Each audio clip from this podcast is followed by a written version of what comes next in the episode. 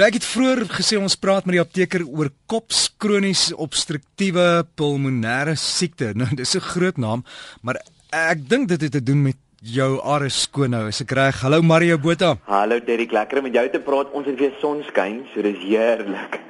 O, in, in dele van Johannesburg skyn die son in die binneland. Dit hou op reën. Dis dis hoogtyd, né? Nee? Dit is, joe, maar dit was wonderlik ons klaar nie, maar dit is lekker om 'n bietjie die son ook te sien. Net so 'n paar minute. Wat is dit? Vitamiene D, né? Vitamiene D, ja, maar onthou nie vir langer as 15 minute nie. Dis die reël. Dis dis hy.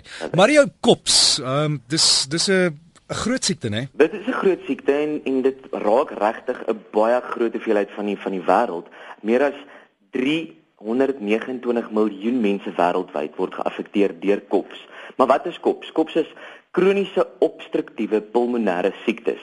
Wat dit eintlik beteken is 'n groot afkorting vir 'n siekte wat in ons longe plaasvind en die grootste oorsaak hiervan is maar sigaretrook en dit beïnvloed 90% van gevalle van kops word veroorsaak deur sigaretrook.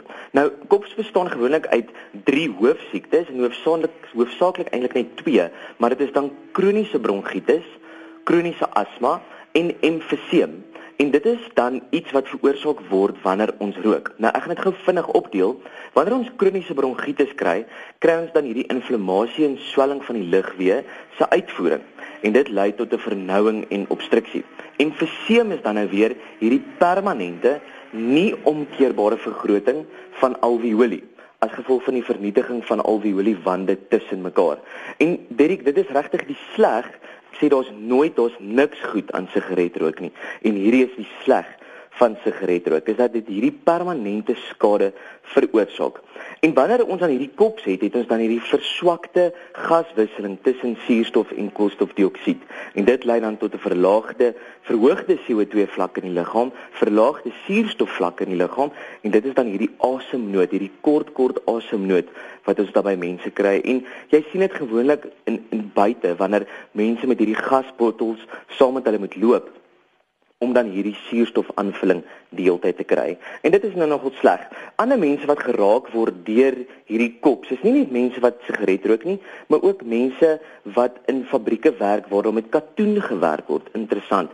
Of dan ons mynwerkers word baie keer geaffekteer deur kops.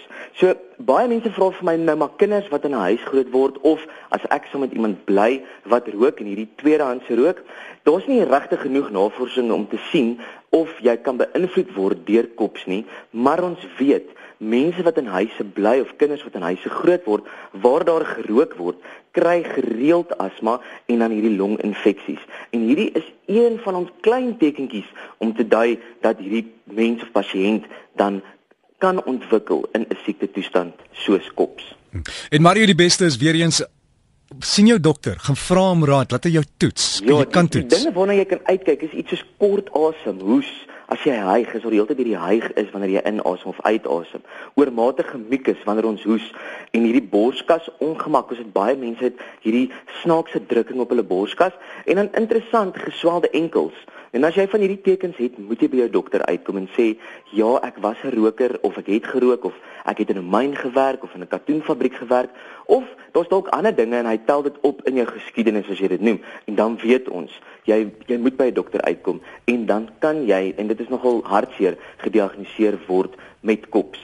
Een van die dinge wat jy moet doen, Derrick, is dis nooit te laat om op te hou rook nie. Wanneer jy 'n roker is, hou asseblief onmiddellik op. Dit is nie net goed vir jou nie, maar dit is ook goed vir ander om jou. Weereens, daar's niks goed aan sigaretrook nie. Ons moet dan dit behandel. Kops kan behandel word met stop dan sigaretrook. Ons moet medikasie kry om hierdie lug weer oop te maak en hierdie spasmas en hierdie kroniese inflammasie in ons longe weg te kry. Ons moet gaan vir griepinspuitings.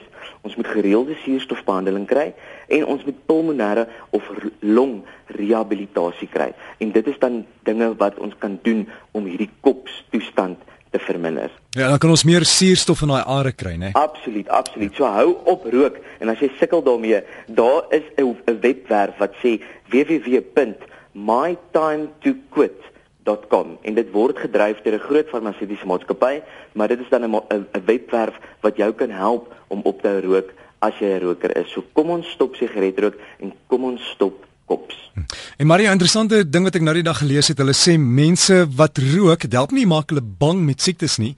as jy vir hulle finansiëel beloon as hulle ophou, dan is die kans dat hulle gaan stop baie groter. Dit is baie interessant. So ek dink ons moet 'n groot borg kry by RSG en ons kyk of ons al hierdie rokers op 'n op 'n lys kan sit en ons en ons bederf hulle met so R100 woolies voucher. Dit klink vir my lekker. As hulle ophou rook, dan dan hou ons sommer almal op met rook en ons verbeter ons gesondheid. Hoe klink daai, Derek? Ja, vir as jy ophou rook, gee ons vir jou R1000 of so iets. Daai, dit klink lekker.